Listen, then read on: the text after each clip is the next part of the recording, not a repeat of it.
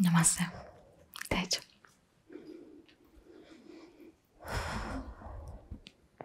Jak się macie?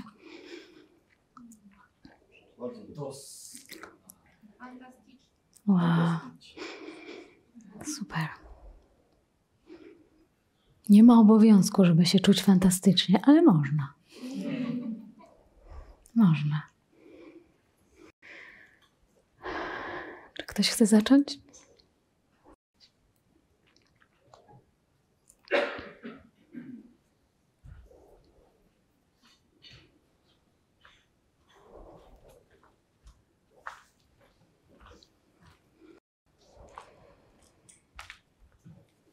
Cześć. Cześć.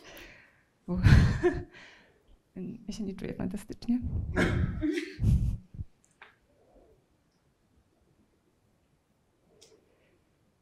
E, Wczoraj na koniec satsangu, to ćwiczenie, kiedy mm, wyobrażaliśmy sobie, że się czujemy dobrze. Fajnie w to weszłam i się super czułam. E, Ale potem w satsangu nagle przyszła myśl, nie wolno ci się czuć dobrze. Później robiłaś medytację wieczorem i powiedziałaś nawet takie zdanie, wolno wam być szczęśliwym, czy coś takiego. Ja myślę, no to już odpowiedziałaś na to, co chciałam zapytać, bo już wiedziałam, że chcę cię o to zapytać. Ale dzisiaj od rana cały czas czuję jakiś taki lęk, opór. Jakby po, w ogóle to pojawiło się też poczucie winy, że jak będę czuła się dobrze, to gdzieś tak miałam z tyłu głowy, że kogoś zdradziłam, że coś zostawiłam. Kto rezonuje z tym? No, całkiem sporo ludzi rezonuje z tym i to zna. Mhm. Dlatego chciałam też to powiedzieć, bo czułam, że chcę to tutaj powiedzieć, Super. mm, bo gdzieś to tak mnie uwiera w środku. Natomiast pojawił się też taki lęk tutaj tuż przed satsangiem. Już myślałam, nie, siadam do auta i wyjeżdżam. Żyje, żyje, żyje? Siadam do auta i wyjeżdżam. Nie wytrzymam już tego tutaj, Tak. że chcę do domu. Chcę do tego cierpienia, no. Ile można? I tak sobie tutaj siedziałam już przed tą, przed tą salą i przed taki silny lęk i mówię, nie, chwilę, wytrzymaj, tak wytrzymaj. I potem przyszła taka myśl, no ale co takiego będziesz miała w domu, czego tutaj nie masz? I wtedy trochę mi to ulżyło i pomyślałam sobie, że w sumie gdziekolwiek pojadę, to zabiorę to ze sobą. Ten lęk i ten strach. Czy w domu, czy tutaj, to to będzie ze mną. W sumie tu nie mam pytania, chciałam tylko powiedzieć o tym, co przeżywam. To bardzo ważne, że to mówisz, że mówisz o tym otwarcie, dlatego że siedząc tutaj i biorąc mikrofon, jakby pokazujesz sobie, jakby uczysz się, że nie chcesz już tego starego, więc pokazujesz sobie, że wygrywasz w jakimś stopniu z cierpieniem, wygrywasz z przyzwyczajeniem, wygrywasz z poczuciem winy. To jest właśnie ten akt, w którym pokazujesz sobie, że nie chcesz już tak. Nie znaczy, że wiesz, że już jest taka pełna gotowość, bo pewnie wielu z nas by tutaj siedziało i płakało w tym miejscu. Um, ale pokazuje, że już tego nie chcesz, że się żegnasz z tym starym. Mhm. I dlatego jesteś w tym odważna, pomimo tego, że ciało reaguje, jak reaguje, i, i co? I nic. Naprawdę nic. I też wiecie, wiecie, jak często ludzie w takich momentach właśnie uciekają z satsangu? Wiecie, jak często? Przed, takim, przed takimi najważniejszymi wglądami, przed najważniejszymi momentami, po prostu nagle pojawia się na przykład niesamowita złość. Coś nas triggeruje w pewnym momencie, nie wiem, jakiś człowiek, ja, ktokolwiek tutaj. I po prostu pojawia się taka niesamowita złość, że musimy wyjechać. Czyli umysł szuka jakiegoś pretekstu, żeby te koło samsary, tego koło cierpienia mogło się nadal toczyć, żeby ten nawyk mógł po prostu funkcjonować i bronić się w ten sposób. No ale nie wyjechałaś, widzisz, więc jest jakaś siła, która, tak jak wczoraj pytaliśmy, mówiła, mówi temu szczęściu tak. Może to jest jeszcze nieśmiałe, ale w sumie nie aż takie nieśmiałe, skoro nie wyjechałaś. Mówi temu tak. I też zobaczcie, dlaczego ja tak często mówię o tym, że żeby nie wierzyć w te myśli tak bardzo. Zobaczcie, na jakie one nas zabierają tripy, na jakie wycieczki nas zabierają te myśli. Zobaczcie, ile się z tego niepotrzebnych często rzeczy dzieje. I dlaczego, dlaczego to jest takie istotne? Dlatego, że te myśli w ogóle nie są o nas nawet. One są jedynie o wyimaginowanym obrazie nas, one nie są nawet na nasz temat. One wytwarzają jakieś nieistniejące postacie, jakieś nieistniejące problemy. Tak naprawdę opowiadają o tym, co się w istocie nie dzieje. Bo zobaczcie, jest medytacja, jest satsang, czujemy się fajnie, jest super, nie? A myśli mówią, nie no, wyjeżdżaj stąd.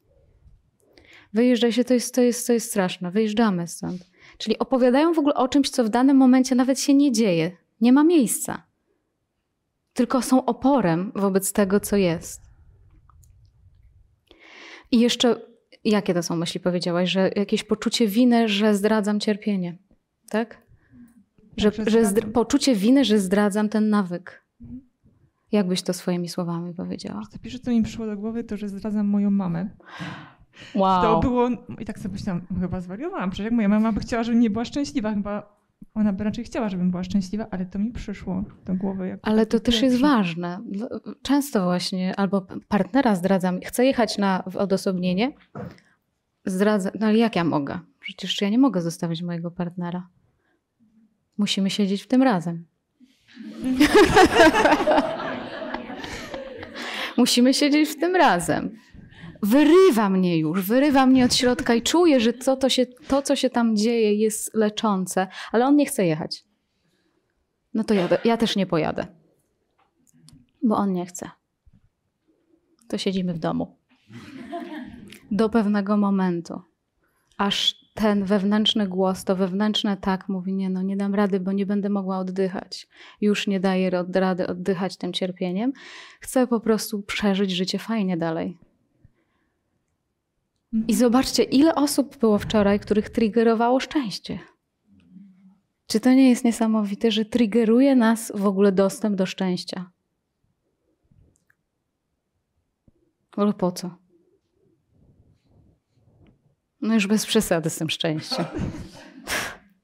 Jest naturalne. Tak, dla nas naturalne jest wszystko poważne, nie? Takie.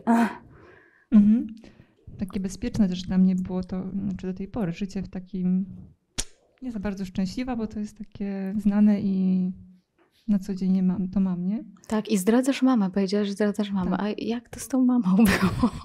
To jest ciekawe. No właśnie, nie wiem, mam, taki obraz mojej mamy, która jest dość taką, wydaje mi się osobą, no nie taką czerpiącą z życia i szczęśliwą. Nie taką. No nie taką właśnie. czyli zupełnie, no, czyli jakbym zaczęła być taka inna, nie, no to jest w ogóle dla mnie zagadka. To może sprawiłoby to jej przykrość. Może, ale pomyślałam sobie, że z drugiej strony przecież może bardziej chodzi o więź, że gdybym ja była taka, wiesz, szczęśliwa, to jest coś takiego też, mam wrażenie, że jak ludzie są razem nieszczęśliwi, to mają wspólną nić porozumienia. No ja... pewnie, pewnie, że tak. Oczywiście.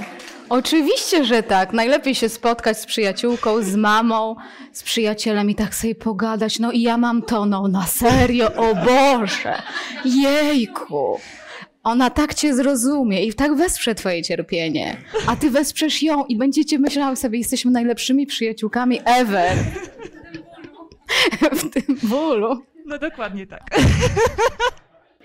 Więc mamy takich, um, takich um, więzi sporo.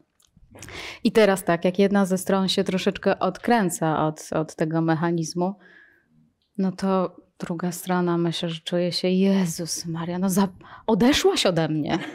Jak możesz? Hmm. Zdradziłeś. Więc ten system jakoś się broni i to wszystko się dzieje nawet w naszej jednej pojedynczej głowie. Te wszystkie dialogi. Z jednej strony wyrywam się do szczęścia, a z drugiej strony, ale jak możesz? Mhm. Więc my nawet nie potrzebujemy tutaj wielu ludzi do tego, bo to wszystko jest w jednej głowie. I teraz tak, dlaczego jest też ta ważna, ważna tak bardzo medytacja i dlaczego tak ważna jest jakby zobaczenie tego, co się w naszej głowie dzieje? Bo jeśli my nie mamy możliwości się zatrzymać, to te wszystkie myśli, te wszystkie rzeczy rządzą tym organizmem. Te myśli, które się kłębią, te zdania, które nie brane są pod wątpliwość, tylko w nie po prostu bezrefleksyjnie wierzymy, to one rządzą tym organizmem, rządzą tym ciałem. Wprowadzają je w ból, zabierają je na wycieczki, na tripy je zabierają. Potężne. Zatrzymanie się i chociażby zobaczenie w ogóle tego wszystkiego, tak jak ty to teraz opowiadasz i to widzisz, już pokazuje jakiś aspekt nas, który jest od tego wolny. No to jest niesamowite. Zostaniemy z tym chwilę dłużej i weźmiemy każdą z tych myśli na tapetę. Nie wolno ci być szczęśliwą. Czy to jest prawda? No nie jest to prawda. I kiedy się nie zatrzymam, to ta myśl jest wzięta zupełnie serio, no i wyjeżdżam na przykład, albo nie jadę gdzieś, gdzie mnie serce woła. To się dzieje, kiedy my zaczynamy dosłownie ćpać nasze myśli. No my jesteśmy po prostu narkomanami. Wszyscy. Absolutnie wszyscy. A trzeźwość w tym wypadku polega na tym, że zatrzymamy się chwilę i to nie jest tak, że my musimy coś zmieniać od razu. W ogóle nic nie zmieniajcie, ale na chwilę zatrzymajcie się i zobaczcie, co tam się dzieje. I czy to w ogóle jest o was? Jak tak możesz? O kim to jest? Cały czas to sprowadzamy wtedy do wyimaginowanego siebie, bo identyfikujemy się z myślą. A to jest tylko myśl. Poza tym można ją od razu zweryfikować, bo ty masz ochotę być szczęśliwa. Jakaś ciebie część już ma ochotę być szczęśliwa, więc jak to widzisz tę myśl, to mówisz jej, wiesz co? Spadaj. Po prostu. Spadaj. Mhm. Żadne jakieś dogłębne, wielkie analizy, bo można teraz zrobić wielką analizę, ale skąd i czemu i tak dalej, no ale będziemy tak analizować, no i niestety będziemy musieli się wtaplać w tym. Mhm. Możesz po prostu zatrzymać się na moment, zobaczyć ten galimatias powiedzieć sobie, nie dziękuję. Puh, dziękuję. Mhm. Nie nadawać temu jeszcze dodatkowych jakichś znaczeń, ale dlaczego? No nie jest takie konieczne. To budzenie się jest instant, natychmiastowe. I ono nie musi być budzeniem się takim, wiecie, absolutnym, takim niesamowitym, ale choćby wybudzajmy się z tych pojedynczych tripów, z tych pojedynczych myśli. Czy to jest prawda? Byron Katie, Katie ma taką świetną metodę, nie wiem czy znacie, że każdą myśl, która do nas przychodzi, e, badamy. Zadajemy sobie pytanie do tej myśli, czy to jest prawda? Niektórzy stwierdzają od razu, że to nie jest prawda, ale niektórzy potrzebują drugiego pytania. Czy to jest absolutnie prawda? No to już wtedy przy drugim pytaniu, okej, okay, no absolutnie to nie. Trzecie pytanie. Jak się czujesz, kiedy wierzysz w tę myśl? Kiedy ją ćpasz? Kiedy zażywasz ten narkotyk, cudowny narkotyk cierpienia, złapmy się za ręce i po prostu trzymajmy go. Jak się czujesz, kiedy go ćpasz?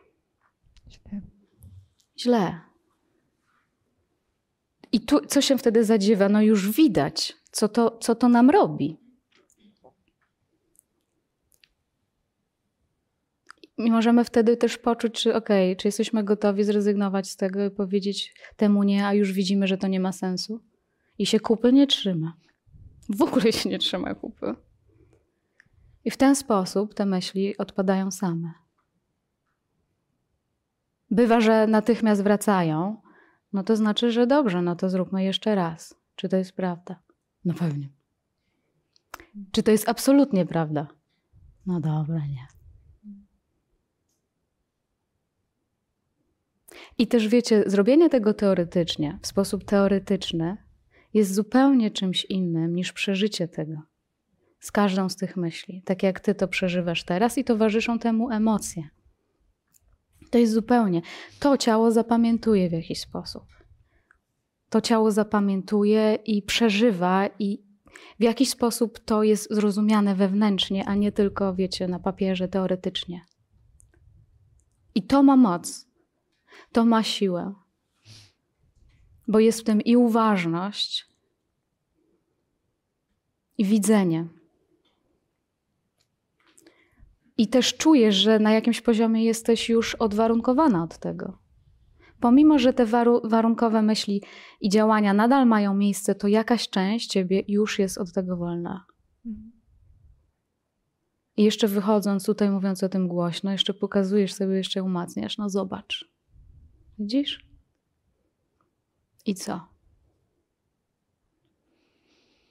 I teraz co dalej? Ile nas jest? 100 osób, czy tam więcej? I wszyscy idziemy w tą stronę, i wszyscy patrzymy w tym kierunku. I wszyscy nie chcemy tych myśli ćpać, bo mamy już serdecznie dosyć.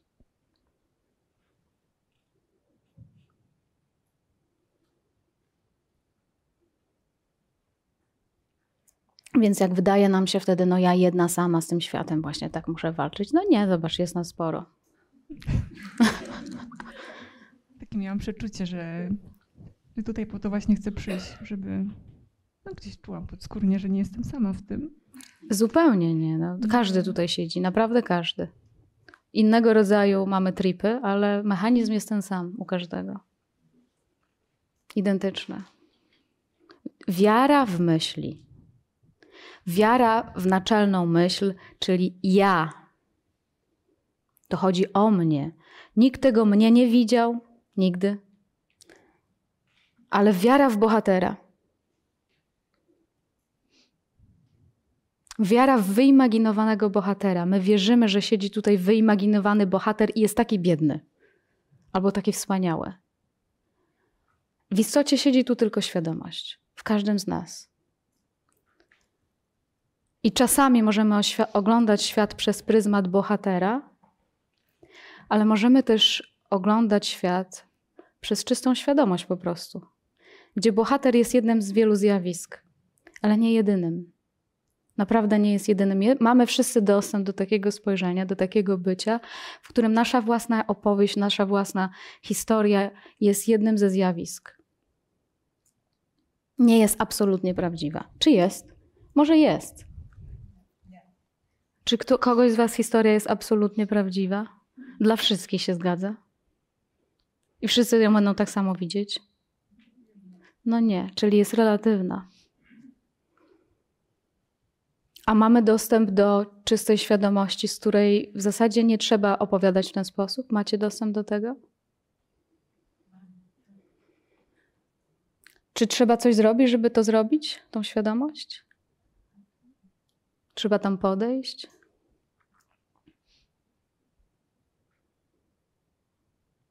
I znowu nasze te prywatne opowieści będą się nakładać. Natomiast jak już jesteśmy w satsangu, jesteśmy teraz tutaj, to możemy po prostu zauważać te spontaniczne reakcje, które się pojawiają i uwalniać się od nich. Nasz, nas zniewala nasz własny umysł. To, co w naszej głowie się wyprawia, to jest jak więzienie. Jeśli się tego nie bierze e, pod wątpliwość, jeśli się na to nie spojrzy z dystansem, to dosłownie jest jak więzienie. Ja i moja historia, ja i moja historia, ten kwadrat. Koniec. Tutaj. I tak sobie siedzę. Ja kontra świat. Mała cela taka.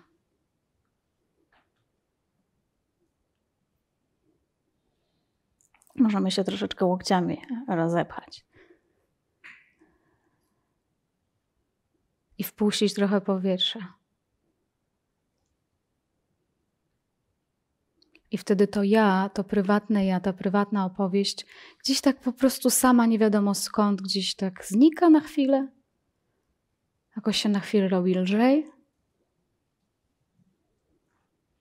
Nie muszę bronić swoich granic. Nie muszę tłumaczyć światu, jak jest albo jak być powinno. Wszyscy wokół mogą odetchnąć z ulgą. My sami również.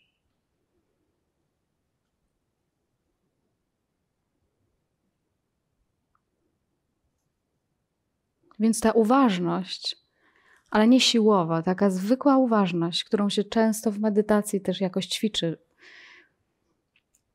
albo w taki sposób, że siedzimy w koncentracji teraz wszyscy i widzimy To, co jest drugorzędne, to, co jest spóźnione, czyli nasze własne refleksje, one są drugie zawsze. A skoro one są widziane w tym momencie, one, skoro one są widziane, to czy ja mogę być tym, co widzę?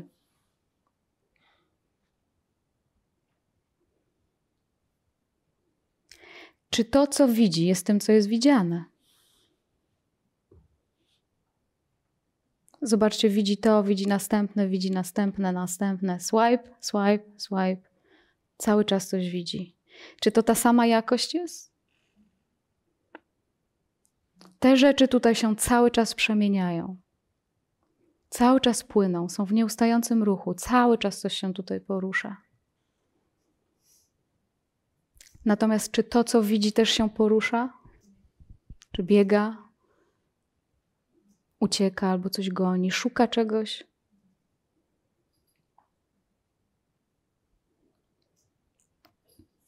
Więc jakaś część nas prawdopodobnie się nie porusza. Dlatego możemy w ogóle doświadczać ruchu i zmian. Czy to ruch doświadcza ruchu?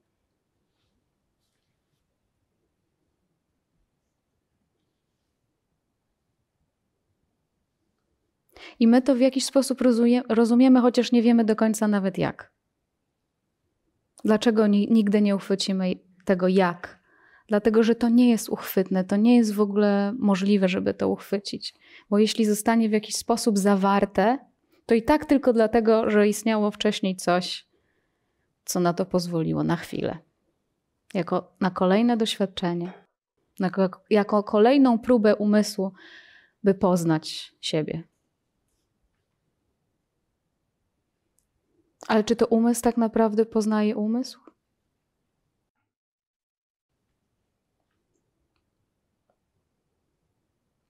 Więc jeszcze wracając do tego, co powiedziałaś, kiedy zaczynają nam się wyświetlać te prywatne filmy,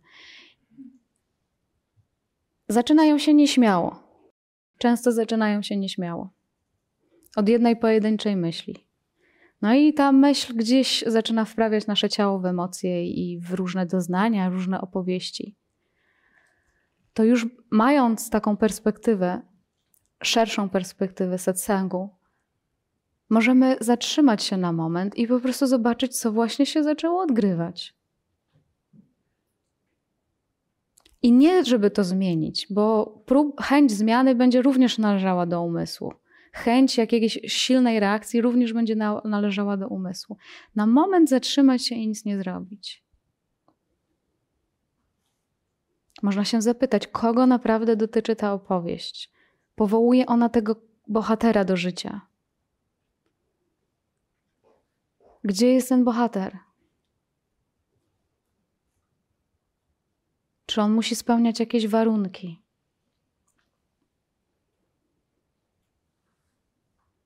Te, te rzeczy zaczynają puszczać, jak już jesteśmy dojrzalsi w satsangu, to już te, one zaczynają puszczać nas same. Ale trzeba to popraktykować w taki sposób, żeby rzeczywiście zatrzymać się na moment. I zatrzymanie nie oznacza nawet, że trzeba wtedy w środku w ogóle jakiejś wielkiej konwersacji zatrzymać się i powiedzieć: Teraz poczekajcie, niech ja to przemedytuję. Kłótnia, wielka awantura, ale ja teraz poczekajcie ja teraz medytuję. Proszę, nie przeszkadzaj mi, dobrze? Nie teraz. To nie jest zatrzymanie, o którym ja mówię, zupełnie. Nawet w środku wielkiego chaosu możemy rozpoznać, że coś się nie porusza, w ruchu się nie porusza. I to jest, że i ta część nas jest świadoma tego, co właśnie ma miejsce, więc może być burza, może być chaos, a my po prostu widzimy, to, co ma miejsce. I wobec tego widzenia chaos albo się uspokoi, albo nie. Ja też nie chcę tego powiedzieć tak na 100%, bo różnie bywa. Ale już jest, przebywasz w miejscu, w którym w jakimś stopniu jesteś wolny od tego chaosu. I to jest najważniejsze. Utwierdzasz się w tym, że wszystko przemija, że to jest reakcja, spontaniczna reakcja tego ciała, po prostu uwarunkowana reakcja życiem tu. Ale to nie jest wszystko na nasz temat. Te nasze prywatne historie to są to nie jest wszystko na nasz temat. I w ten sposób wygrywamy. Wygrałaś tą bitwę? Myślę, że tak. Super. Dzięki. Dzięki.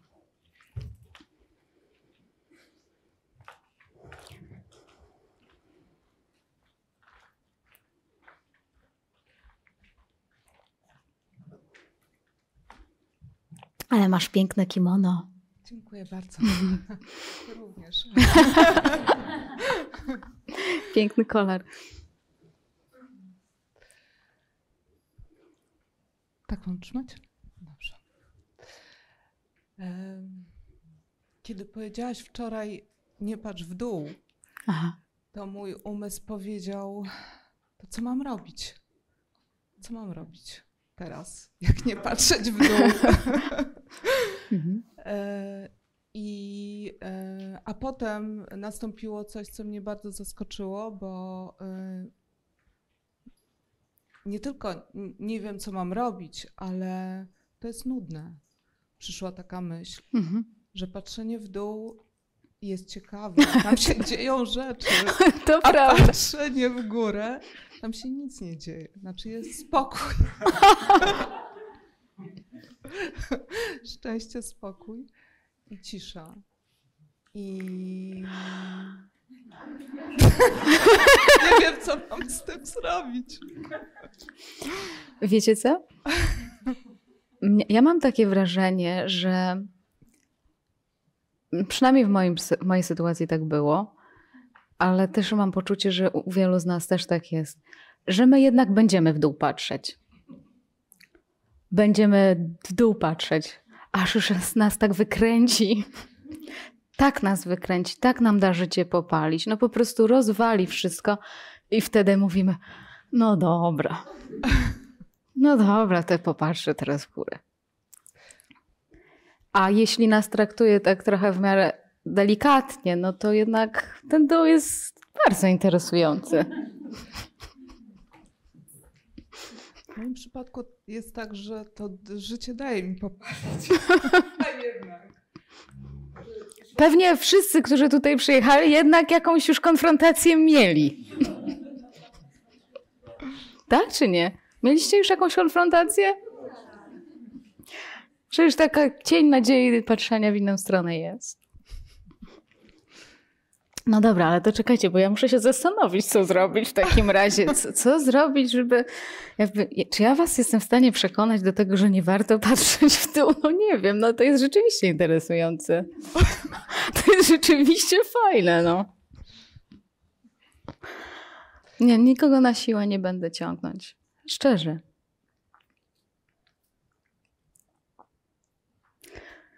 Możemy jedynie po prostu popatrzeć samemu. Coś za coś.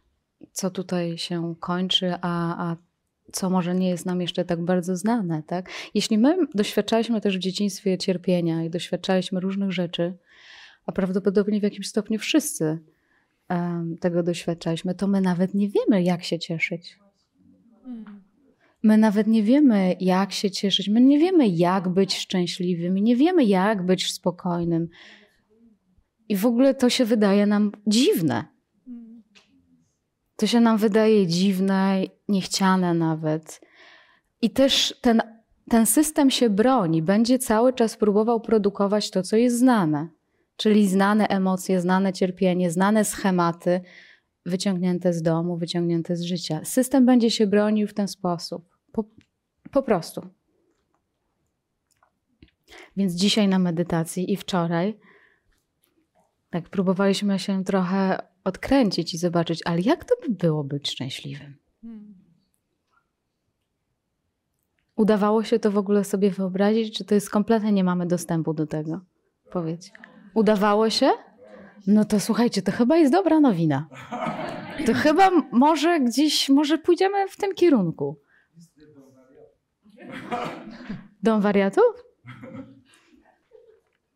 Może my musimy się z powrotem też trochę tak jak dzieci nauczyć, że, że- w zasadzie to można się uśmiechać, można sobie sprawiać prezenty, można, można e, pojechać na wakacje i już przyjechaliście na odosobnienie. Gratulacje. Można tańczyć, można śpiewać, Można uśmiechać się. Można powiedzieć wszystkim: odwalcie się, ja teraz siedzę sama, z nikim nie gadam w ogóle, bo mi się do was nie chce gadać. Cisza. Można. Zostawcie mnie wszyscy w spokoju. Można. Więc tutaj sobie takimi małymi kroczkami pokazujemy,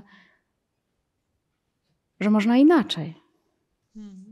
I też, wiecie, no na siłę was nie przekonam. No. Sami po, możecie popróbować i zobaczyć, czy chce mi się tam iść, czy nie. Jeśli wolicie patrzeć w dół, no to patrzcie w dół. Bo mo, moja nawet chęć zaproszenia was w drugą stronę, ym, no nic nie da. Ja nie chcę patrzeć w dół. Ale pomyślałam sobie, że jesteśmy karmieni. Znaczy, nagle mi się wyświetliła też taka myśl, że wszystkie bajki kończą się w momencie, kiedy żyli długo i szczęśliwie. Ale już nie wiadomo, co się dzieje w tym długo i szczęśliwie.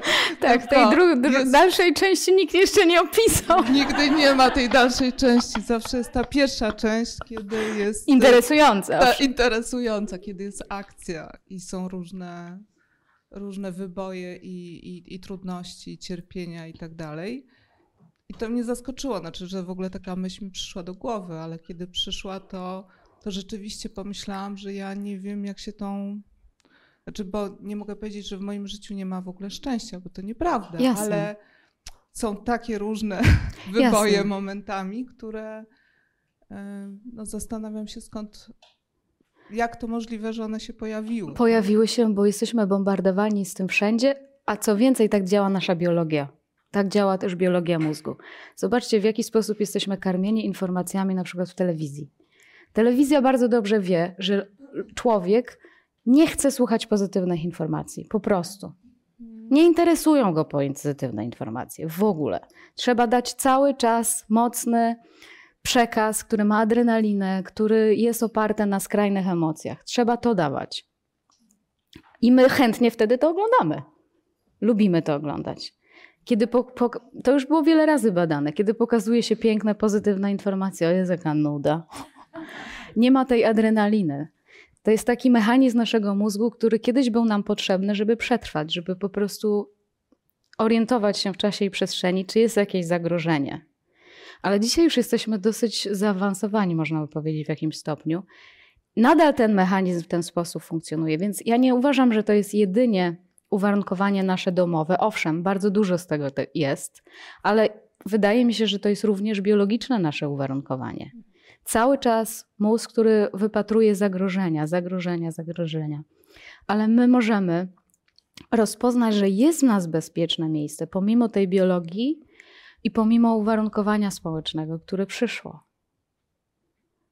I możemy sobie wpuścić to, tą przestrzeń, więc zamiast zauważać tylko te negatywne informacje, na przykład w AA też się tak chyba robi, nie? że bardzo dużo jest tej praktyki wdzięczności, że bardzo dużo jest, zwraca się, odwarunkowuje się umysł, dosłownie, odwarunkowuje się umysł od tego my, myślenia negatywnego siłą na początku. Więc jesteśmy codziennie przyzwyczajeni do tego, żeby i to nie wyszło, i to jest niedobre. A popatrzcie na ten świat, a co tam się dzieje, co tam się dzieje. I cały dzień lecą miliony takich myśli. Więc żeby to odwrócić, próbujemy to odwrócić siłą, wieczorem. Ok, to ja siadam ze sobą. Zresztą ja w książce też na ten temat piszę, w tej drugiej książce, Oświecenie 24H. Siadamy. Co pozytywnego wydarzyło się dzisiaj w moim życiu? Nic. Nic się nie wydarzyło. I w ogóle mamy blok, blokadę w ogóle, żeby pisać na ten, o jaka nuda w ogóle. I po co? Nic nam nie przychodzi do głowy. Zero. Nic nie przychodzi nam do głowy. Mam odczuwać wdzięczność? Przecież taki był ciężki cały ten dzień. Nic nie widziałam fajnego. No ale mówi się o tym, wiesz co, pomimo, że nie czujesz tego i nie widzisz nic fajnego, nic pozytywnego, ani nic nawet neutralnego, to posiedź chwilę i spróbuj to siłą przywołać. No dobra, to po jakimś czasie widzimy jedną rzecz i zapisujemy tą rzecz. Potem kolejną, potem kolejną. I robiąc tą praktykę codziennie, nagle się okazuje, że już nam więcej rzeczy wieczorem przychodzi do głowy, za które możemy być wdzięczni, które się wydarzyły fajne, przyjemne, pozytywne albo chociaż neutralne. I zobaczcie, jeśli poświęcimy jakiś czas temu, żeby zapisać te rzeczy, to jest ten czas chociaż, kiedy nie karmimy się negatywizmem w danym momencie. Chociażby 5 minut, dobra, pół godziny nawet ktoś na to może poświęcić. To te pół godziny karmienia się innymi myślami i zauważania, dostrzeżenia rzeczy pozytywnych czy neutralnych, warunkować nas zaczyna. Zaczynamy warunkować nasz organizm, ale troszkę pozytywnie albo neutralnie.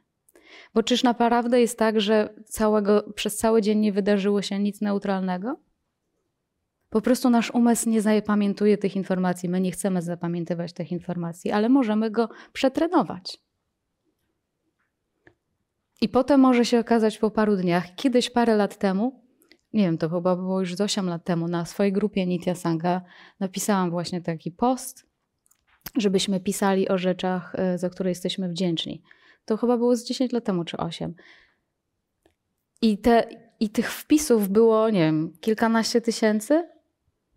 Każdy, każdy z nas coś, coś pisał i po prostu byliście zachwyceni tym, żeby to pisać. Można, jeśli, jeśli czujecie, że jest tak dużo negatywnych informacji, to naprawdę warto sobie takie ćwiczenie wprowadzić w życie. Żeby po prostu jakby pokazać to w świetle, że naprawdę nie tylko trudne rzeczy mają miejsce. I możemy dostrzegać to ładne, i wtedy powoli może będziemy się uczyć szczęścia. Może to w ogóle wejdzie nam w jakiś nawyk większy. I może będzie nam przynosić, bo nawet pisząc o tym, że jesteśmy za coś wdzięczni, to my się łączymy z tą emocją wdzięczności i z tą emocją nawet szczęścia. I już w tym momencie chociaż nawet nam jest lżej. I tak jak mówię, nawet jeśli to jest dla Was na początku suche i umysł się wzbrania i ma ogromny opór na to, to warto ten opór przekroczyć. Więc tak samo początek dnia możemy zacząć ten dzień w taki sposób: O Boże, kolejny dzień. O. To też jest nasz nawyk. możemy go spróbować e, odkręcić i, i zobaczyć cokolwiek, cokolwiek neutralnego albo fajnego. A dzisiaj poczuliśmy szczęście, wczoraj poczuliśmy szczęście, coś się zaczyna otwierać i możemy się zapytać z rana czy ja chcę iść w tym kierunku. Nawyk będzie silny sposób mówił nie. Daj sobie z tym spokój. Życie, prawda, cierpienie, powaga. Bądź poważna, odpowiedzialna, życie. Tak. Tak. Tak, tak mówi. Ta krwawica. Krwawica.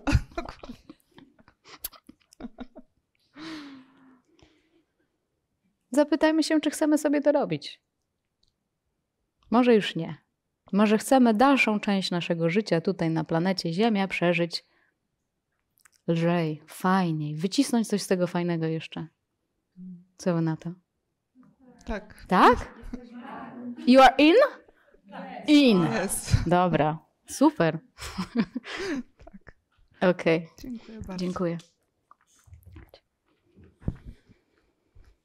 I założę się, że są tutaj ludzie, a może nie tu, gdzieś, gdzieś są, będą słuchać tego i powiedzą: Jezu, o czym ona mówi, Nicja? O czym ona dziś gada? To jest takie dualne. Niepotrzebne.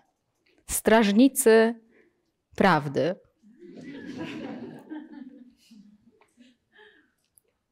Powiedzą nam, jak jest. Mm, chciałam powiedzieć, że mnie przekonałaś. Nie, nie chcę patrzeć w dół. I wczoraj miałam takie doświadczenie. Mm, po satsangu poczułam, że zbliża się do mnie obrażenie. Już czułam, że idzie. Czy ja się powinnam obrazić? Chyba tak. Zbliża Czy ona mnie dokładnie. obraża?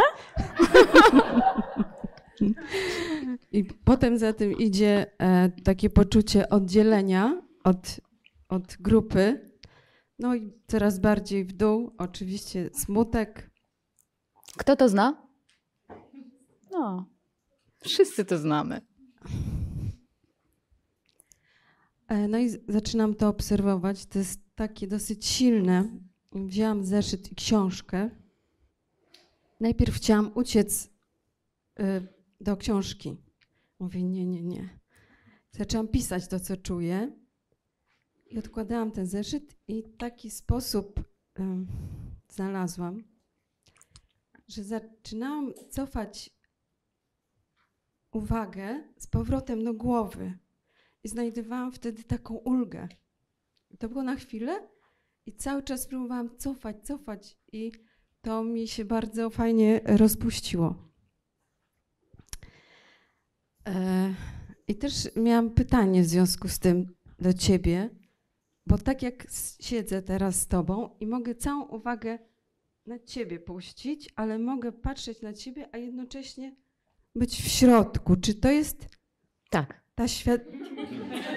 tak, I wtedy jest taka ulga i Tak, takie odpuszczenie. tak. No to wczoraj mi to pomogło. Cudownie, Jeszcze- cudownie. Jeszcze jedna rzecz że dzisiaj rano. Były zajęcia ruchowe.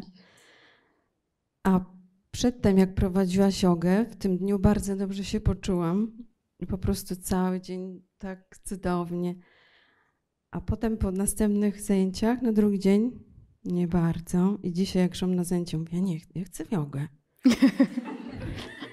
Bo miałam takie doświadczenie. I też już czuję, że, przepraszam za słowo, ale że się zbliża Obrażenie. W kurw, w kurw. W kurw. w Tak. kurw się zbliża. Mówię, nie, a wiem, z czym to się wiąże, bo potem będę miała cały dzień zepsuty. tak. I mówię, dobra, to spróbuję to po prostu. Po, sprób... I jakby weszłam w to. I potem miałam, kurczę, może ja bym się zapisała na to, bo mi się podoba. po prostu. No widzicie, bo my możemy odgrzewać te stare kotlety. Możemy odgrzewać te stare kotlety. Na przykład yoga. Nie podoba mi się yoga, nie lubię generalnie. I już to jest moje stwierdzenie na zawsze. Na pewno nie lubię jogi. Jogę spróbowałam raz, już wiem, że nie lubię. Wiadomo. I wiecie, ile my mamy takich kalk, przez które dalej idziemy? Już nam się wydaje, że to jest na 100%. A dajemy sobie szansę następnego dnia. Życie nam przynosi taką możliwość, no bo to nie jest na siłę, prawda? Ale jest taka możliwość. Przychodzimy następnego dnia. Jeśli jesteśmy w miarę otwarci i nie siedzimy na tej jodze z tym wszystkim, co ja już wiem, jak ja już wiem, jak to jest, tylko jest wpuszczenie trochę otwartości, to nagle jest to, co ty powiedziałaś. I tak nam przed sobą samym głupio, bo przecież wiedzieliśmy, jak to jest. Trochę głupio w ogóle. I teraz nie wiadomo. A wczoraj wszystkim powiedziałam, że yoga jest beznadziejna. wszystkim wczoraj powiedziałam, że yoga jest beznadziejna, to teraz się nie będę ośmieszać. Więc uważajmy, co mówimy. Możemy uważać, co mówimy. I teraz nagle, okej, tu się okazuje, że, że nie wiadomo. No nie wiadomo. Więc możemy, to jest taka otwartość, możemy być w tym bardziej płynni i, i da, dawać się zaskoczyć. A często też na satsangu, już ktoś przyjechał na jedno odosobnienie i mówi, o już wiem jak to jest. A wiecie co, na każdym odosobnieniu jest inaczej. Wszystko jest inaczej. I też można, można przyjechać już, okej, non-duality już znam, już wszystko jest jasne, nie ma osoby. Em, no i tam parę innych frazesów. Wszystko jest jasne i tak siedzę i słucham tego. I cały czas to porównuję z tym, co już wiem.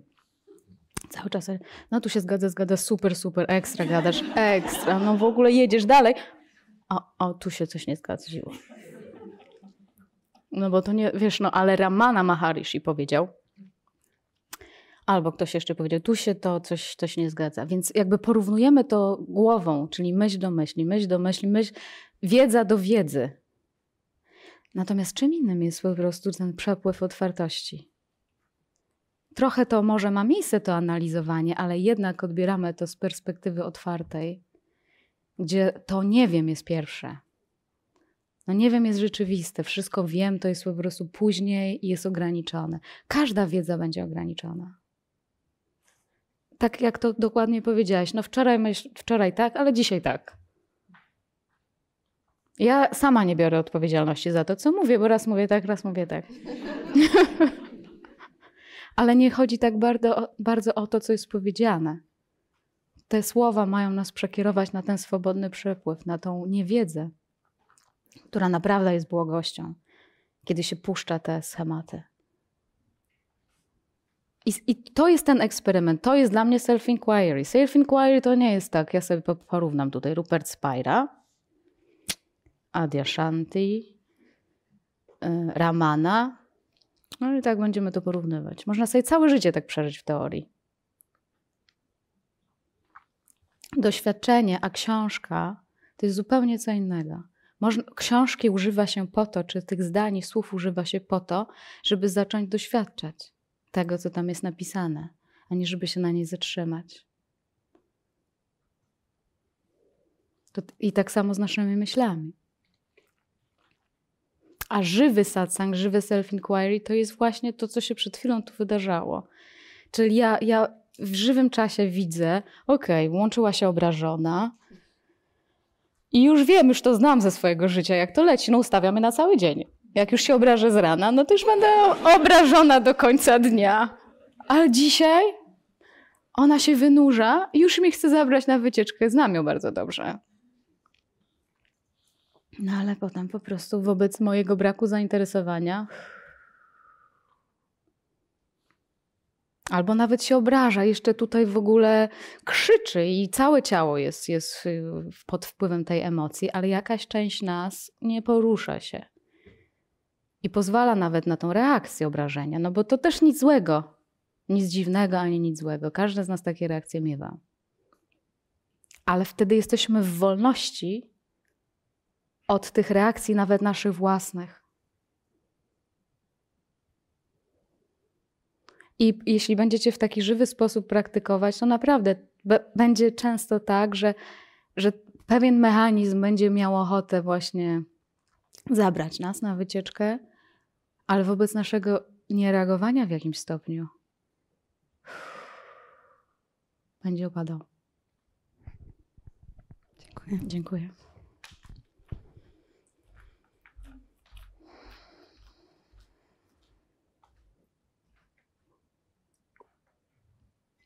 Ja satsang właśnie za to uwielbiam, że nie można tutaj mieć e, żadnej wiedzy.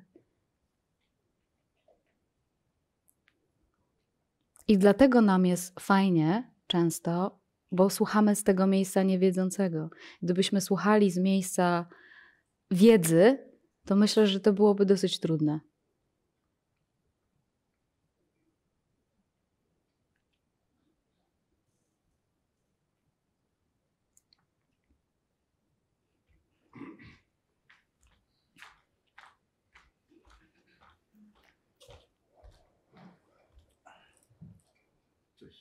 Cześć. Ja króciutko.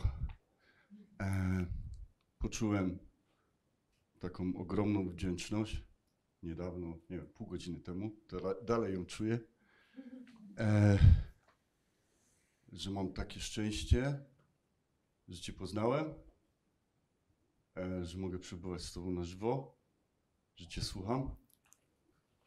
E, no i że Cię bardzo kocham i chciałem Cię przytulić.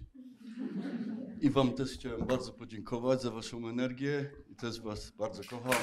No. No. Dzięki.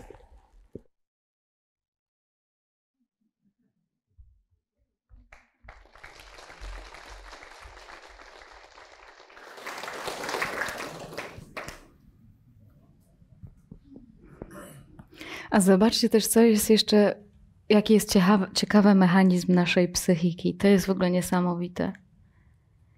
Że często bywa tak, że nawet jak pojawia się w nas wdzięczność albo miłość, pojawiają się w nas takie emocje i często na satsangach to się zaczyna w was dziać, że gdzieś w środku po prostu czujemy taką niesamowitą wdzięczność i miłość i, i takie połączenie, natomiast na to nakłada się głowa.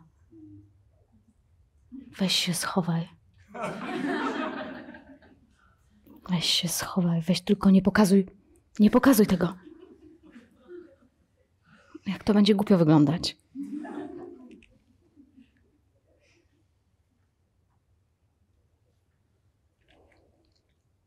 To w ogóle nie, nie, jest, to, nie jest to potrzebne.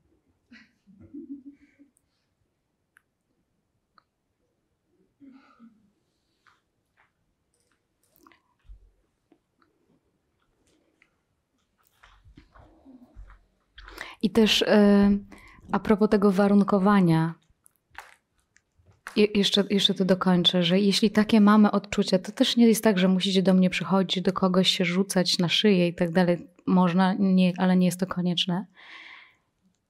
Natomiast wiecie, co można zrobić? Jak coś takiego się uruchamia, to można temu w środku powiedzieć jeszcze bardziej tak. Jeszcze bardziej tak, biorę to. Przychodzi do mnie w tym momencie łaska szczęścia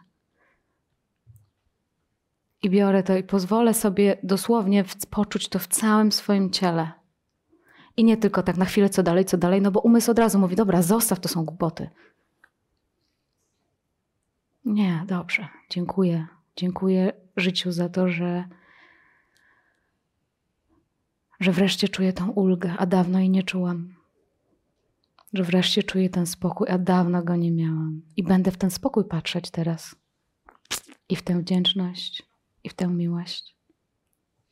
Pozwolę sobie popatrzeć trochę, bo to takie jakieś egzotyczne albo niechciane. I, też nasz organizm w głupinie jest, trochę się też uczy. Uczy się też tego w ten sposób. Uczy się pozwolenia na to.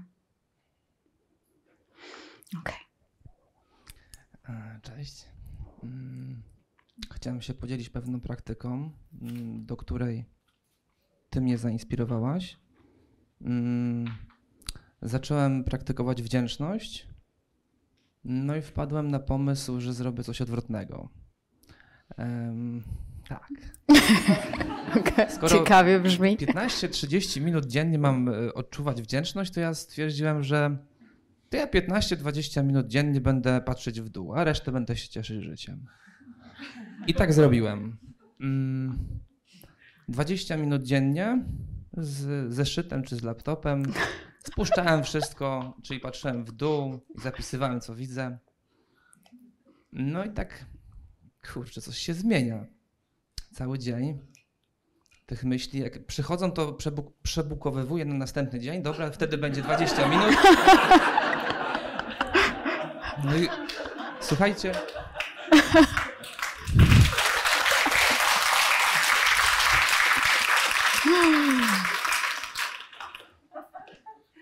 No i to działa, słuchajcie. Słuchajcie, to jest zdarta płyta, naprawdę. Po trzech miesiącach tak e, spuszczania w kiblu, przepraszam za wrażenie, no patrzę, że to są te same śmieci. Aż w końcu coraz mniej tego patrzenia w dół, coraz mniej.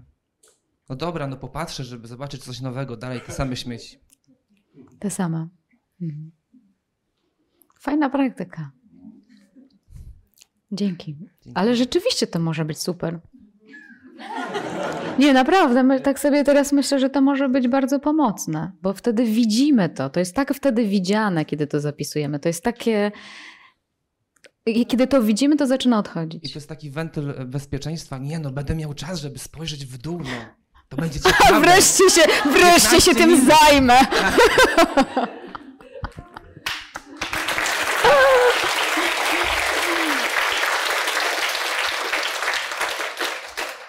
No ale kurczę, podoba mi się to.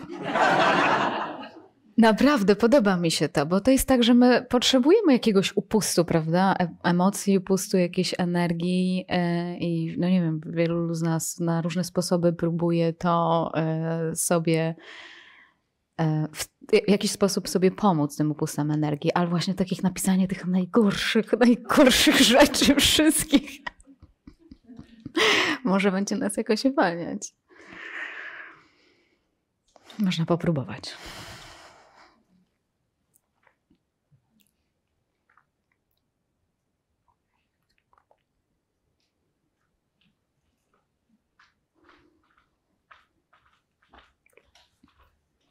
Oj, Zycy, jesteście wszyscy super. Kurczę, jesteście tacy ekstra. Cześć. Cześć. Trochę mi się głos złamał. Ja chciałem do tego, co mówił Adaś, mój przyjaciel, dodać trochę narzędzi. Historia będzie trochę przerysowana. E, Przyjechałem na satsang po, po raz pierwszy dzięki namowie Adasia, który przed chwilą opowiadał ciekawie o swojej historii oraz również dzięki liście rezerwowej. Czyli przyjechałem z myślą, że nie oczekuję niczego, a spodziewam się wszystkiego. Wszystko zaczęło się dziać, natomiast na umysł, jak to umysł, jak zacząłem się przyglądać trawie, czyli patrzę w dół, kwiatkom, ludziom, co ty oczadziałeś, krótkie gacie masz i myślisz, że ci wszystko wolno? Ale dajmy sobie z tym spokój, tak? E, Słucham cię uważnie i tak pomyślałem, w jaki sposób e, można byłoby odróżnić, co jest umysłem, a co nie jest umysłem. Mnie z pomocą przychodzi taka metoda obrazowania różnych rzeczy. Czyli jeśli mam tam takiego kierownika za- zarządzającego, który produkuje, redaguje mi informacje, no to go postanowiłem nazwać, tak? Czyli jest to pan redaktor Redaktor Umysław. naczelny? Umysław? Umysław. Umysław. Redaktor Umysław. Pan Mhm. Umysław ma swoje biurko gdzieś tam w mojej głowie. Oczywiście codziennie pracuje w pocie czoła. Czyli czeka na informacje od reporterów tych zewnętrznych.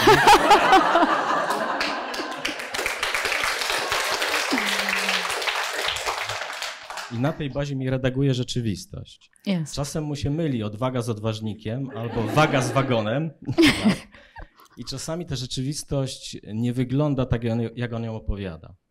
Co mam na myśli? Że trochę to wygląda jak w takim dowcipie ruskim, że Wania w Moskwie kupił sobie samochód, a drugi mówi nie Wania, tylko Iwan, nie samochód, tylko rower i nie kupił, tylko mu ukradli. I tak naprawdę taki redaktor ma też swojego szefa. Tak? Czyli jeśli on coś zredaguje, no to ten szef powinien e, zastanowić się, czy to wypuścić do druku, czyli do tego obrazu rzeczywistości. Tak? Wobec tego e, czasami jest tak, że włącza się ten e, obserwator, który widzi tą różnicę między tą redakcją rzeczywistości, która została zredagowana, a tym, co jest naprawdę. Druga rzecz, od razu przy takim obrazowaniu widać, że pan redaktor Umysław pracuje na danych, które są już historią, bo one są spóźnione do tego, co się dzieje. Tak? To jest dla mnie ciekawe. Przyjeżdżam tutaj, dostaję na recepcji ulotkę, więc biorę ulotkę do ręki, widzę twoje piękne zdjęcie, no a pan Umysław w kolorze byłaby ładniejsza.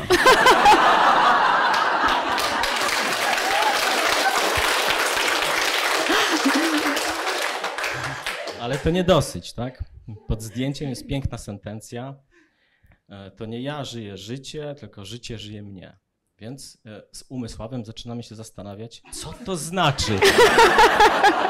Gdzie jest w tym głębia tak naprawdę? Wobec tego zaczynam to czytać raz, drugi, trzeci i widzę, że Umysław ma taką teczkę z napisem fajne, fajne formy retoryczne. Chcę to tam zmieścić i włożyć do szuflady ciekawe na później. Więc y, w pewien sposób muszę go przymusić do tego, żeby się tym zajął bardziej. I znowu przychodzi metoda obrazowania. Czyli jak przekładam sobie te rzeczy takie umysłowe, które trudno sobie wyobrazić, który nie, y, umysł, który nie jest fizyczny, zaczynam go nazywać, czy w pewien sposób y, personifikować, to wtedy mm, mogę z nim wchodzić w pewne relacje, tak jak z innymi osobami, które znam, z którymi wiem, jak sobie radzić. Więc wyobrażam sobie tą sentencję. To nie ja żyję życie, tylko życie żyje mnie. Więc pojawia się pan Życiosław, który przychodzi do tego Umysława i prowadzą rozmowę, tak? Mówi, słuchaj stary, dla mnie to ja zarządzam tym organizmem, cały czas oddycham, biję sercem, płynie krew, dzieje się tam miliard różnych y, chemiczno, biochemiczno, biochemicznych y, reakcji, a ty nie masz o tym zielonego pojęcia. Zróbmy tak, zaśmiecasz to ciało, robisz codziennie jakieś tam kłopoty z adrenaliną, z testosteronem, zamieńmy się rolami na jeden dzień. Czyli przejmij na przykład kontrolę nad oddychaniem. I wtedy Umysław ma zawał serca, bo tak naprawdę nie ma pojęcia, jak sobie z tym dać radę. Jak się zastanowiłem nad tym, że jakbym miał kontrolować oddychanie przez cały dzień, to No. bym umarł ze strachu, Mm. że zabije ten organizm. Czyli widać w tym, że tak naprawdę to, co steruje tym organizmem, ta świadomość, która go ożywia, jest na takim poziomie, że umysław to nawet sobie tego nie potrafi wyobrazić. Nie ogarnia. Mm. Na koniec, żeby nie przedłużać tej historii, e, dogadywałem się z Umysławem, słuchaj, jest Patrycja, przyjeżdżasz na Samsung, trzeba zadać pytanie. Tak?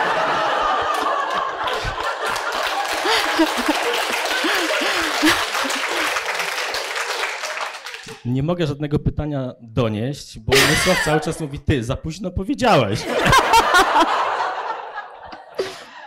Więc mówię, trzeba go obejść, tak? Pomyślałem sobie, mm, Patrycjo, chciałbym porozmawiać z tobą w ciszy. Czy wyrażasz na to zgodę? Na to umysł mówi tak, stary, to jest raz, że egoistyczne, a dwa, i tak wszyscy będą ciekawi, o czym wy tej ciszy gadacie. Także taka jest moja historia. Piękna historia.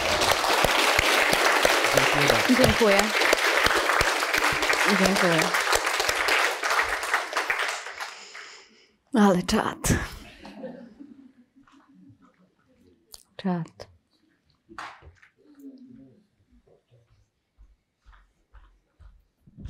Widzicie, tu jest jeden organizm sobie siedzi. I sobie do siebie mówi.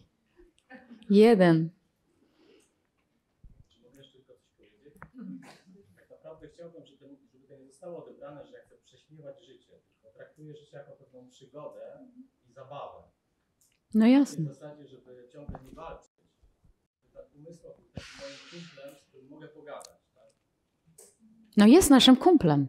Żeby traktować trochę tak personalnie czasami powiedzieć, co ty pierdzielisz gościu, gdzieś tam niepotrzebnie. Super, dzięki. Ja przede wszystkim e, jestem bardzo zdziwiona, że tutaj usiadłam, bo szczerze mówiąc nie planowałam tego. I chciałam, Miałam nadzieję, że to się nie wydarzy do końca tak. tego wyjazdu. tak sobie zaplanowałam, że przyjadę tutaj, do nikogo nie będę nic mówić i nie będę zadawać pytań. Natomiast bardzo mnie coś teraz poruszyło.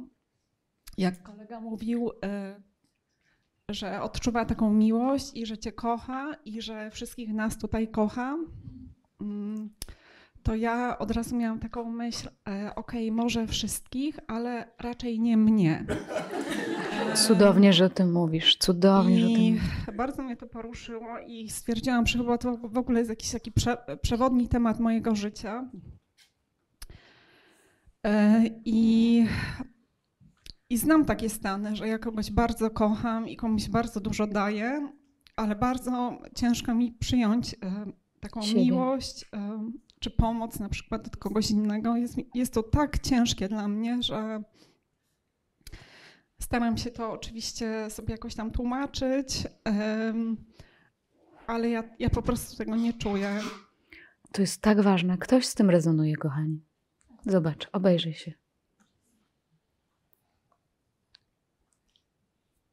Wszys- wszystkich kocham. Wszystkich kocham. Wszystko jest ok, ale, ale nie włączam w to. Zobaczcie, czego nie włączam w to. Tego czegoś, co jest najbliżej, najbliżej mnie. Bo o ile wiecie, no, mamy różnych ludzi dookoła, mamy cały świat dookoła, to jednak z tym organizmem, z tym konkretnym organizmem świadomość żyje najwięcej. Najczęściej. Najwięcej non-stop. Non-stop odczuwa emocje związane z tym ciałem. Emocje tego ciała, jego historię, jego historię, Twoją historię, Twoje życie. Jest tego najwięcej. Więc my mamy taką tendencję, żeby właśnie widzieć to piękno, nawet innych ludzi i się nawet o nich wszystkich troszczyć, ale tylko nie o to. To jest takie też echo. Echo, które się em, ciągnie przez nasze życie i jest to uwarunkowane po prostu. I teraz trzeba to odkręcić. Naprawdę trzeba to odkręcić. I załączać. Załączać ten organizm. Bo nawet patrząc na to wszystko z wielkiego, wielkiego dystansu, to taki najbardziej bezpośredni kontakt stały mamy z tym organizmem. Z tym konkretnym ciałem. I dlaczego jemu miałoby się nie należeć szczęście? Więc nasza głowa wytrenowana jest odwrotnie. Wytrenowana jest nie ty jesteś nieważna, to nie dla ciebie. W taki sposób jest wytrenowana. To my mamy się połapać, że taki trening miał miejsce. Nie obwiniać nikogo za ten trening, bo nikt go siłą specjalnie nie robił. Tak się zadziało po prostu. Nikt tego nie zrobił celowo. Tak się zadziało u wielu z nas. I teraz ty widzisz, że to ciało doznało takiego treningu po prostu. Taki był życiorys.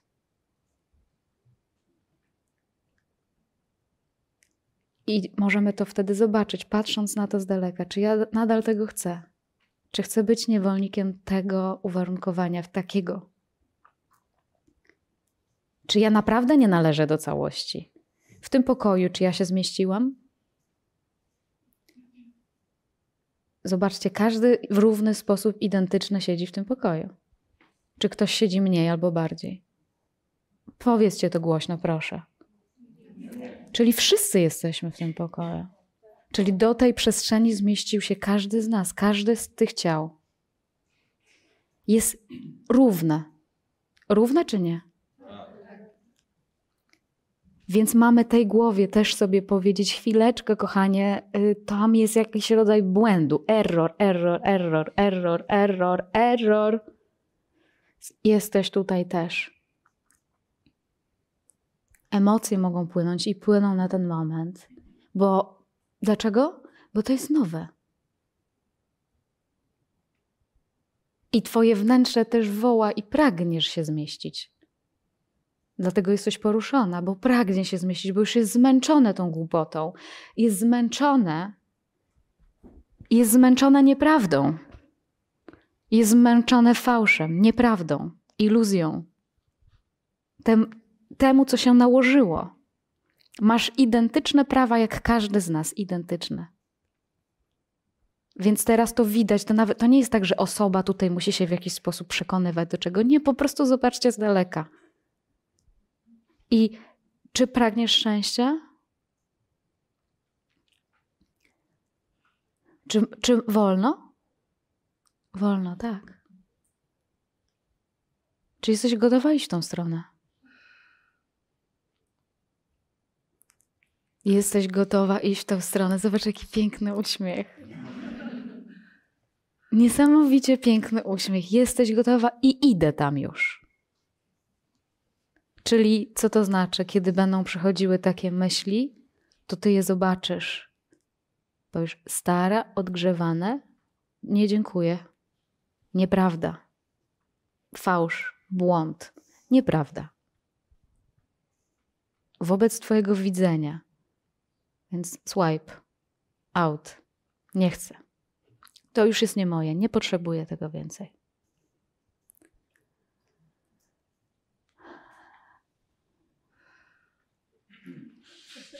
Ale pięknie wyglądasz. Niesamowite. Pięknie. W taki sposób będziemy wygrywać.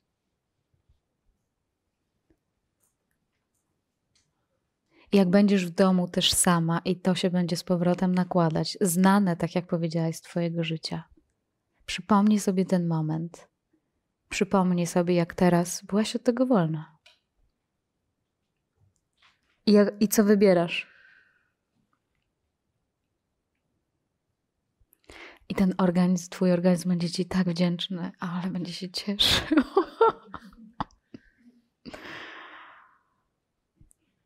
Już się cieszy. Cudownie. Dziękuję. Dziękuję. Aha, jeszcze na koniec chciałam poprosić, czy mogłabym kolegę przytulić. Po prostu czuję taką silną potrzebę.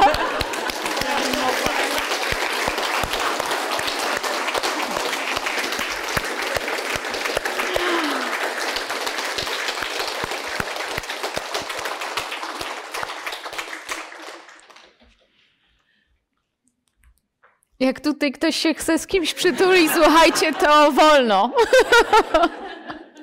Ojej.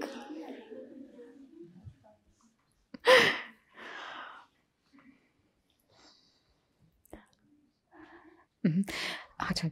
I zobaczcie, jakie to jest piękne tak powiedzieć wprost, otwarcie sobie. My, my mamy czasem taki impuls, ojej, ja bym tak chciała, chciała. Nie, nie, nie, nie, siedź, siedź, siedź, siedź. A tak spontanicznie można powiedzieć sobie, tak chcę i teraz idę i to robię od razu. To mnie też pociągnęła koleżanka, bo właśnie chciałam jej powiedzieć, że byłam w tym samym miejscu kiedyś. Też się czułam niekochana i właściwie wszystkie pytania, które padły dzisiaj, y, albo wszystkie osoby, które się podzieliły, to ja rezonuję z każdą.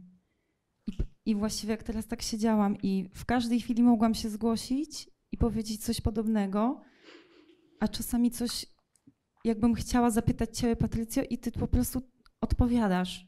I to się nawet dzieje mi- pomiędzy słowami. I czuję po prostu, że jestem jednym z Wami wszystkimi.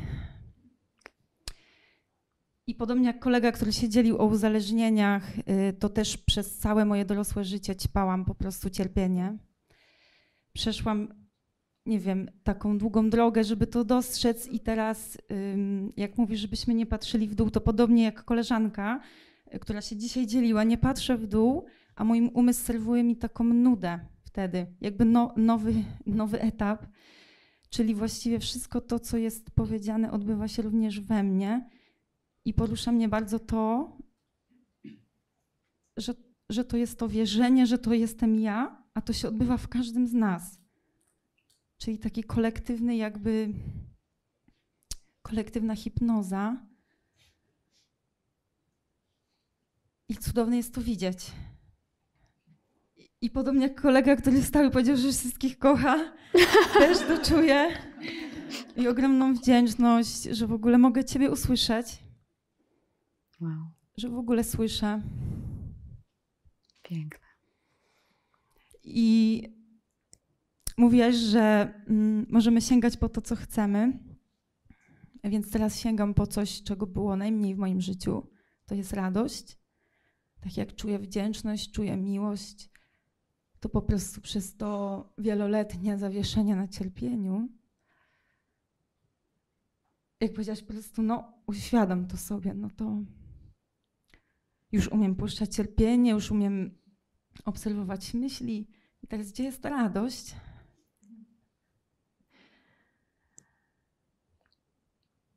No to tak, wydaje mi się, że ją znalazłam, jak jej nie szukałam. Siedząc tutaj z wami. Ona jest, już tu jest. Cudnie, cudnie. Wow. To chyba bym się musiała przytulić do każdego z osobna. Nie ma na to czasu, więc po prostu w ciszy was przytulę.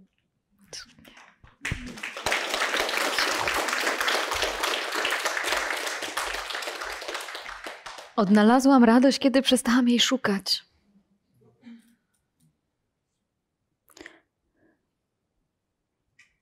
Mamy sobie czasem może wyobrażamy, dobra, ten satsang czy, czy ta wolność jednak jest jakoś poważna. Jednak to jest poważne, poważne rzeczy tutaj robimy.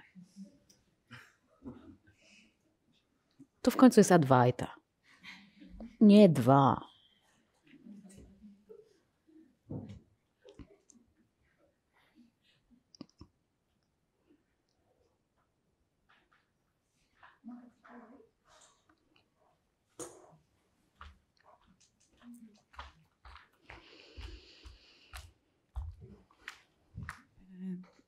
Dużo osób, y, dużo z Was tutaj y, mówi coś takiego, co też jest mi bliskie, bo tak się kojarzy, że cierpienie jest takie właśnie uszlachetniające i się tak dzieje, jest takie inteligentne generalnie, prawda? A takie radowanie się jest głupie po prostu. E, I ja jakoś bar- bardzo to czuję, natomiast to, co chciałam powiedzieć, to też miałam takie poczucie przez jakiś czas właśnie, że że to jest takie ciekawe i że takie spojrzenie z innej perspektywy zrobi to życie takie nudne. ale chciałam się podzielić takim czymś, że w momencie, kiedy mm, są takie momenty, że nie ma umysłu, to to jest zupełnie odwrotnie. To jest przeciwieństwo to jest nudy. Przeciwieństwo nudy, bo nie ma nikogo, kto by komentował, w związku z czym nie ma takiej, tego czegoś, co ocenia. I jest takie płynięcie, jest taka jedna wielka spontaniczność i swoboda. I to jest zupełnie, to jest rodzaj te, tego zainteresowania, takiego, nie wiem nawet jak to powiedzieć, no po prostu to płynie, jest swobodne i to jest przeciwieństwo nudy tak naprawdę. I to jest żywe. A to cierpienie takie, gdzie tak patrzymy w dół, jest takie martwe, takie taplanie się w takim gównie, za przeproszeniem, Tak. W czymś tak naprawdę, co tak naprawdę nawet nie istnieje. E, I, i te momenty właśnie takiej swobody e, no, polecam.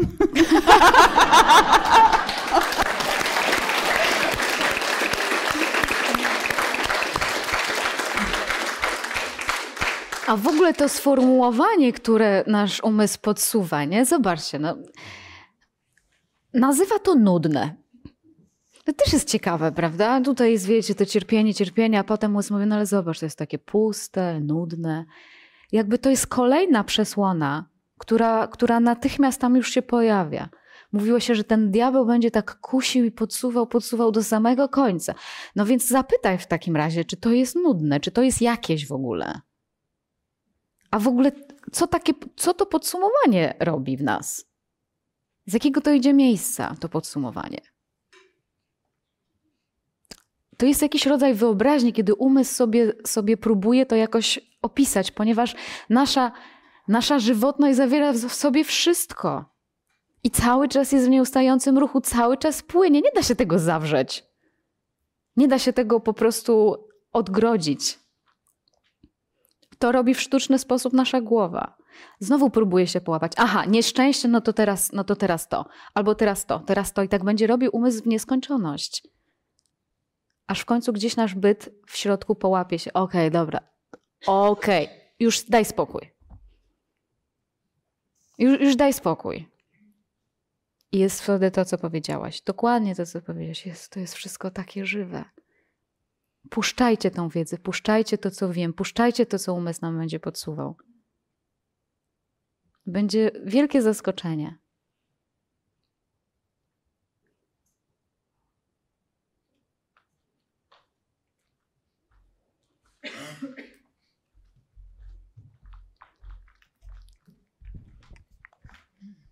Nie planowałam tutaj usiąść.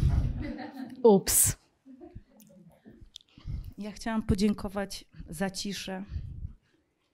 Ona nam tutaj nie zawsze wychodzi, ale chyba po raz pierwszy w życiu w ogóle wiem, wiem co ona znaczy, jaką ma siłę, bo w moim życiu wszystkim ją zagłuszałam. Długo. I miałam takie zdarzenie parę miesięcy temu. Lubię przebywać y, w takich odległych, małych kościółkach. I na drzwiach tego kościoła jest taki plakat z napisem Bóg przemawia w ciszy. To mnie bardzo poruszyło, ale jeszcze bardziej to, że ten plakat był bardzo wyblakły i zdałam sobie sprawę, że on tam był przez wiele lat. Ja go nigdy nie widziałam. I to był taki moment, kiedy po raz pierwszy zetknęłam się z, z tą ciszą, zaczęłam w nią wchodzić i było bardzo trudno. Umysł ciągle mnie gdzieś wyciągał, czymś rozpraszał, ale zaczęłam się tam rozgaszczać. Na pewno padły tutaj e, w głowach komentarze, ale po co na tą ciszę wprowadzać? Nie moglibyśmy sobie normalnie na tej stołówce pogadać? No już bez przesady, no w ogóle po co? Dlatego, że być może dla niektórych z nas to doświadczenie przyjdzie po raz pierwszy. I też nie mówię, że tak musi być, bo w różnych jesteśmy momentach, ale to jest coś, co może być bardzo, bardzo pomocne. A ty na, na przykład, ona jest częścią nas, tu siedzisz ty, tu siedzę ja. I ja sobie pomagam w ten sposób, bo nie wiem, może jej to jest potrzebne. Bardzo. Bo może nigdy do tej pory nie czuła takiego kontaktu z ciszą. Bo każdy z nas tutaj siedzi, każdy z nas jest tutaj każdym. I możemy sobie w ten sposób pomagać. I jak ten nasz taki komentarz pierwszy umysłu, że to jest na przykład potrzebne albo niepotrzebne, no to tak jak tutaj ktoś przed chwilą mówił o tym, no wczoraj myślałam, że yoga jest taka, jednak okazuje się, że jest taka. Tai chi jest takie, a jednak następnego dnia jest inne.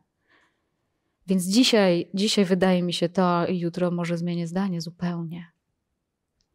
A ta cisza ma nam pokazywać po prostu to, że, że no nie wiemy, nie wiemy, nie, po, nie musimy tego od razu podsumować.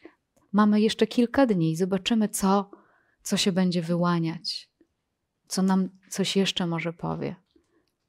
I ty jesteś w tym procesie, zauważyłaś ten napis. On, on, to już był twój klucz. To już ten proces już się wtedy dział. Zauważyłaś, że nie widziałaś wcześniej tego plakatu. Teraz jest czas, że go widzisz. Co więcej, on w ogóle puka do ciebie tak mocno. On tak jest ważny w, tej, w tym momencie. O czymś tak ważnym mówi. Bo czujesz, że zagłuszana była cisza, teraz już nie, mniej, mniej. Przyjechać na odosobnienie, gdzie się tą ciszę też honoruje, bo chcesz poznać jej smak. Czyli ta cisza, ona nie musi być cicha, ale ona nie jest, ona nie jest wiarą w tą moją reakcję. Ona nie jest wiarą w moje poglądy, w moje przyzwyczajenia. Ja, bo ja w ten sposób mogę się zdystansować wobec swoich własnych przyzwyczajeń i dostać się do tego boskiego miejsca, które jest moją istotą. A pragnę tego z całego serca, bo już mam dosyć tego, co jest drugie, spóźnione i ciągle komentuję.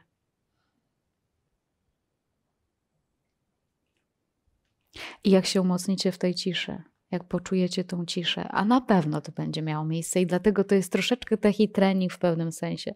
Niektórzy może się będą śmiać, ale jest to trochę taki trening. Odkładamy część tych bodźców, odkładamy, odkładamy.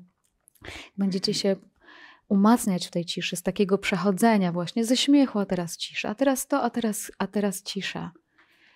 To dostrzeżecie to piękno. I to piękno piękne wam powie, tego nie można opowiedzieć. Więc znowu, jakby możecie mieć odrobinę zaufania do tego, że może w tym jest jakaś metoda, żeby spróbować. A szczególnie jeśli mamy właśnie takie przyzwyczajenia, że zawsze tak, zawsze tak, zawsze tak, zawsze tak, a tutaj mamy trochę inaczej. Także puka do ciebie, puka do ciebie, bo chce się poznać. Cudnie.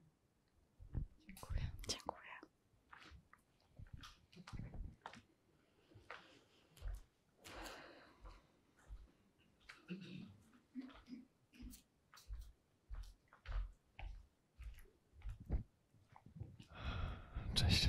Cześć. To ja dla odmiany powiem, że ja nie planowałem tutaj siadać. Znaczy w tym momencie. W tym momencie.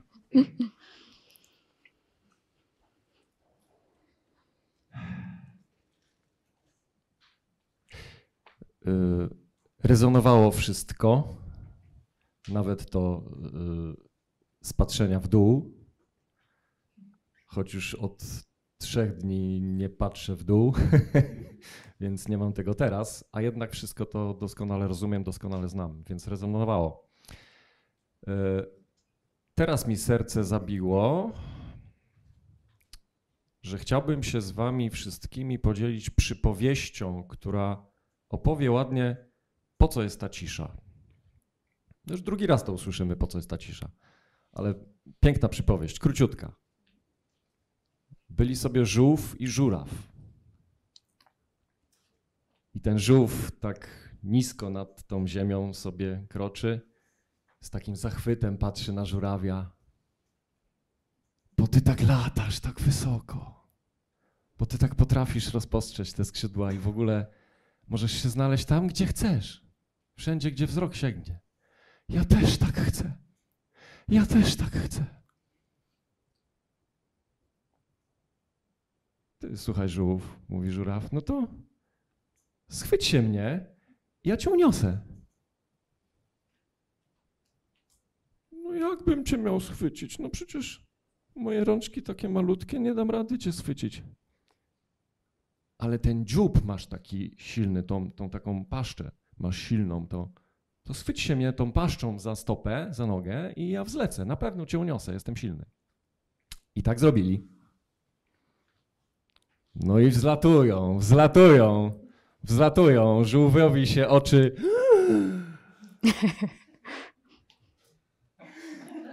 I ja tak miałem przez ostatnie trzy dni. I po prostu temu żółwiowi tam tak. Ja latam!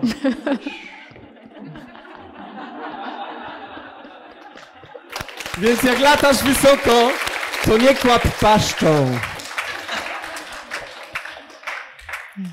Dziękuję. Piękne.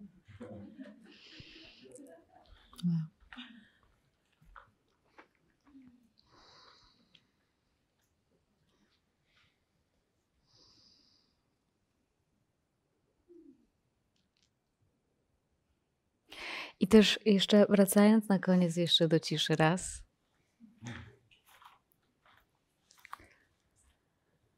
To wiecie dlaczego też jest ta cisza?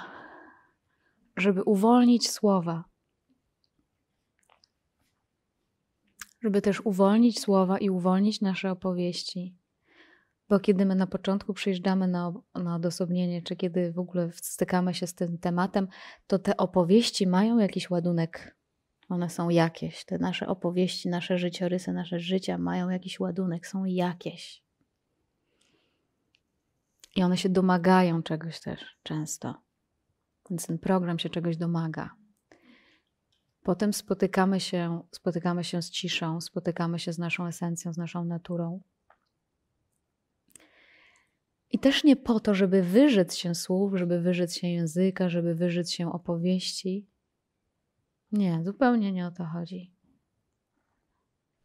Ta sama opowieść stanie się lekka dla ciebie. Będzie lekka. Będzie swobodna, będziesz ją ze swobodą opowiadać. Jeśli będziesz mieć taką potrzebę, ale ona nie będzie miała tego ładunku. I ona nie będzie, ona nie będzie niczego żądać. I nie będzie mówić i tłumaczyć, że ma rację że musi mieć rację, albo że ktoś jej nie ma. Te opowieści opadają w ten sposób. Czyli najpierw rozpoznajemy tą pustkę, w cudzysłowie teraz tak to nazwałam. A potem rozpoznajemy, że ona jest podłożem dosłownie wszystkiego, każdego doświadczenia. I ten lęk, jakiegoś rodzaju lęk nas zaczyna opuszczać. I przywiązanie do tej historii, przywiązanie do tej narracji jedynej zaczyna nas opuszczać. I lżej się żyje. O wiele lżej. Więc naprawdę ta, ta cisza, tak dzisiaj o niej mówimy na koniec, ma tą potężną moc, o której też powiedziałeś. I też zauważcie, dokładnie jak w tej opowieści, że kiedy już się czujemy tak dobrze, czujemy się już tak lekko, jest już tak pięknie, to natychmiast wydaje nam się, że trzeba to powiedzieć. Prawda? Powiedzieć. No i my zaczynamy wtedy mówić i gadamy, gadamy, gadamy, gadamy, i w pewnym momencie jakoś, kurde, już tego nie czuję. Już wcale nie jest tak miło. Bo czy dlatego, że to jest zła ta opowieść? Nie, nie jest zła, ale znowu pojawiło się jakiegoś rodzaju przywiązania do tego, co mówię mówiąc to, zaczynało, zaczęło się wykształcać znowu jakieś przywiązanie albo jakaś siła w tym. Więc co zrobić, żeby sobie przypomnieć?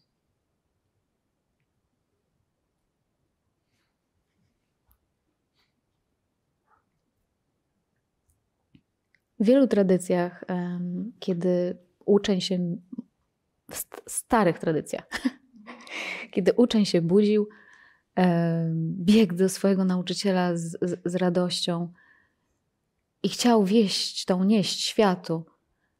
No niech cały świat się natychmiast dowie. No nie spiesz się tak, kochany. I wtedy wiecie, co się zaczyna w środku dziać? Zaczynacie doznawać next level of happiness.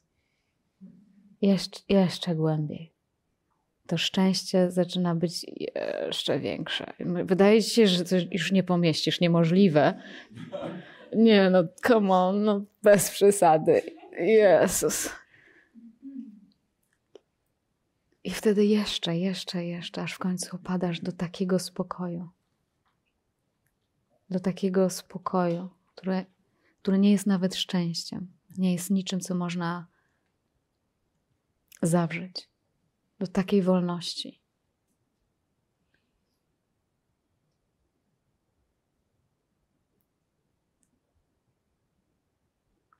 Pokonujemy te różne fazy niecierpliwości umysłu do tego, by zawrzeć niezawieralne.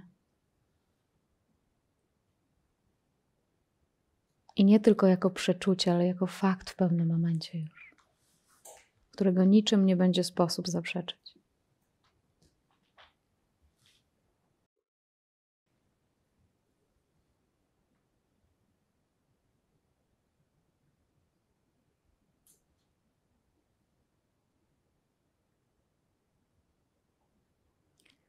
I naprawdę my się tutaj sobą opiekujemy. Wrócę do tego jeszcze raz, że w różnych jesteśmy miejscach. W różnych miejscach tak zwanej niecierpliwości.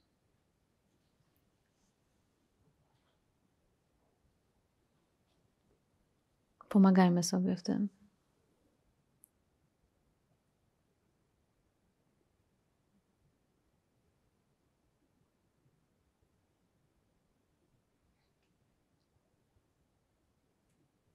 I niech ta wolność wewnętrzna wypełni nas wszystkich.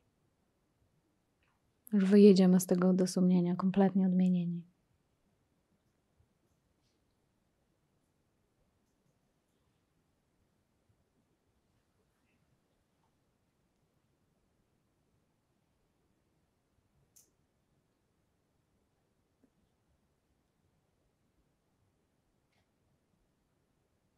I na koniec teraz jeśli jakkolwiek rezonują z Wami te słowa, czy to, co się wydarzało teraz tutaj na tym spotkaniu, jakkolwiek jesteście w rezonansie z sobą samym, to, to dajcie sobie to poczuć, uhonorować to jakoś wewnętrznie.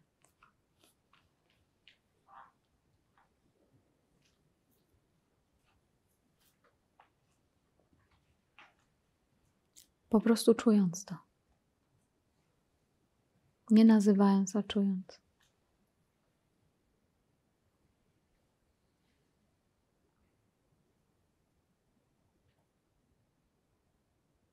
Czy to możesz zapytać swojej głowy, czy to ma dla ciebie znaczenie, czy to ma dla ciebie wartość? Chciałabym Was bardzo, bardzo serdecznie zaprosić na odosobnienie noworoczne 28 grudnia do 1 stycznia. Pożegnamy to, co już nam jest niepotrzebne i powitamy nowy rok z radością, sercem, otwartością, zabawą. Do zobaczenia. Thank you.